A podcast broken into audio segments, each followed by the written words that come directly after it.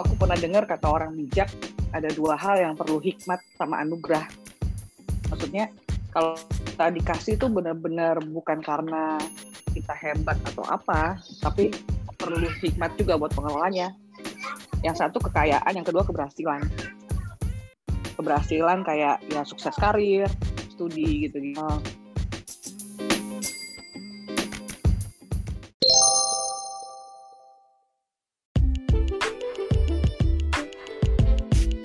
Jadi bulan ini tuh aku lagi banyak baca buku ilustrasi. Jadi yang kayak cuman apa ya puisi lah ya. Eh, susah juga sih bilang genrenya puisi bukan, tapi lebih banyak kayak muntahan isi hati, isi pikiran orang-orang gitu ya, yang pakai banyak ilustrasi. Ilustrasinya juga kadang nggak nyambung, kadang cuman um, tinta bercak tinta yang kayak zaman kita SD gitu loh, yang kertas dilipat terus jadinya bentuk apa butterfly gitu, gitu loh.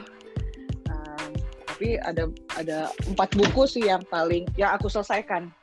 Sebenarnya ada sekitar 9 apa 10 buku ilustrasi, tapi nggak semuanya selesai karena nggak menarik. Emang kalau buku ilustrasi itu kan dia borderline ya antara komik enggak, novel juga enggak. Dibilang kontennya kumpulan cerpen juga enggak, tapi kadang ada benang merahnya.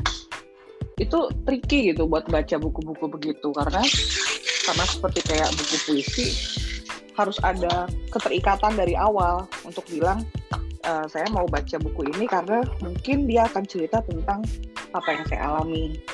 Waktu bulan apa gitu kan, aku sempat cerita buku-bukunya Aan Mansur. Aan Mansur itu penulis puisi yang dia jadi hype gara-gara nulis uh, buku kumpulan puisi tidak ada New York hari ini. Itu dipakai di film ADC 2 tahun 2017. Nah itu kan aku jadi baca karya-karya yang lain. Itu kan kalau misalnya udah baca karya satu orang, jadi semuanya harus baca uh, penulis apa pun itu. Dan uh, waktu KBK bulan apa itu malah jadi bandingin karyanya, uh, kualitas karyanya antar buku. Kenapa buku yang kesekian begini bagus, misalnya lima bintang, buku yang berikutnya enggak. Nah itu jadi aku bikin, eh bikin aku jadi keinget waktu uh, Teh Santi bilang ini buku ke-13 yang dibalik tirai Aroma Karsa.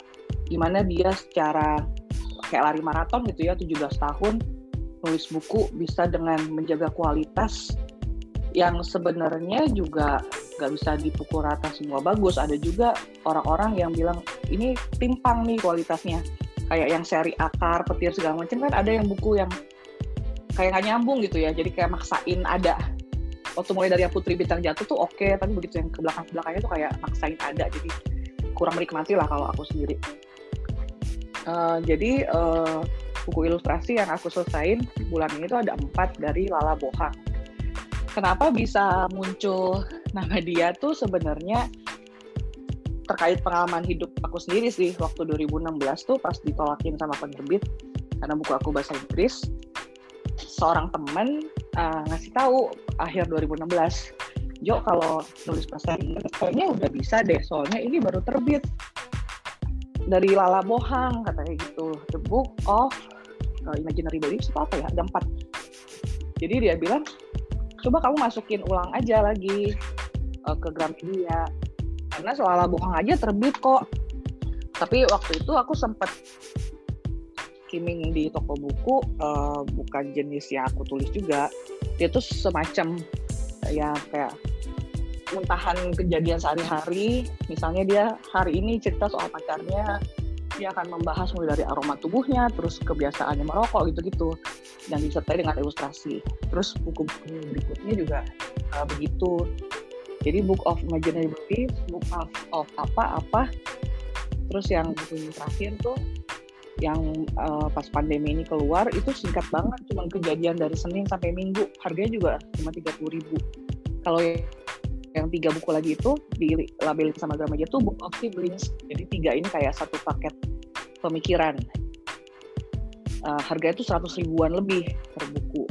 Dengan jumlah halaman seratusan tapi jadi banyak ilustrasi tapi satu halaman tuh cuma sekitar dua tiga kata gitu ya. Kalau value for money sih nggak nggak gitu bagus ya. Yang aku pengen sampaikan sih ini itu tuh kan jadi tren ya sejak pandemi ini. Banyak banget orang yang keluarin kayak gitu. Aku baca juga yang punya si Karmantio terus ada juga yang uh, nulis siapa namanya Tiffany siapa pokoknya ada anak Indonesia tapi gede di Bangkok nulisnya pakai bahasa Inggris judulnya Medusa jadi tentang kan Medusa itu kan mitos ya perempuan dengan rambut ular. Yang ularnya ke mana-mana gitu kan. Tapi dia pengen pengen nunjukin kalau banyak banget yang dituntut dari perempuan. Kita harus melahirkan anak harus juga bisa kerja di luar rumah kalau perlu harus bisa mendidik harus bisa mengurus orang tua. Jadi di situ tantangan menjadi perempuan gitu. Ular yang di kepala Medusa itu bukan dianggap uh, emang mengerikan sih karena uh, sangat menarik kita ke segala arah gitu. Jadi sampai bikin perempuan tuh overwhelmed dengan tugas sehari-hari. Ada satu frase sih aku ingat dari situ gimana kalau si karakter yang ngomong di buku ilustrasi itu karena ini kan karya ilustrasi jadi penulisnya jadi dua gitu ya. Selalu uh, by ini tambah ilustrator siapa gitu.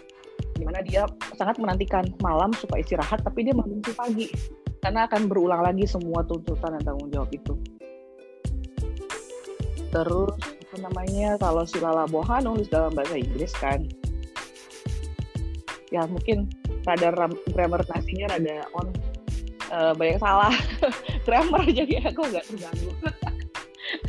Intinya sih kalau udah baca empat buku dia sih udah nggak akan baca lagi karya dia yang lain. Dia ada uh, lagi bikin lagi bikin apa? Udah bikin itu sama seorang sejarawan dari Belanda buku ilustrasi juga tapi nggak nggak minat untuk baca lagi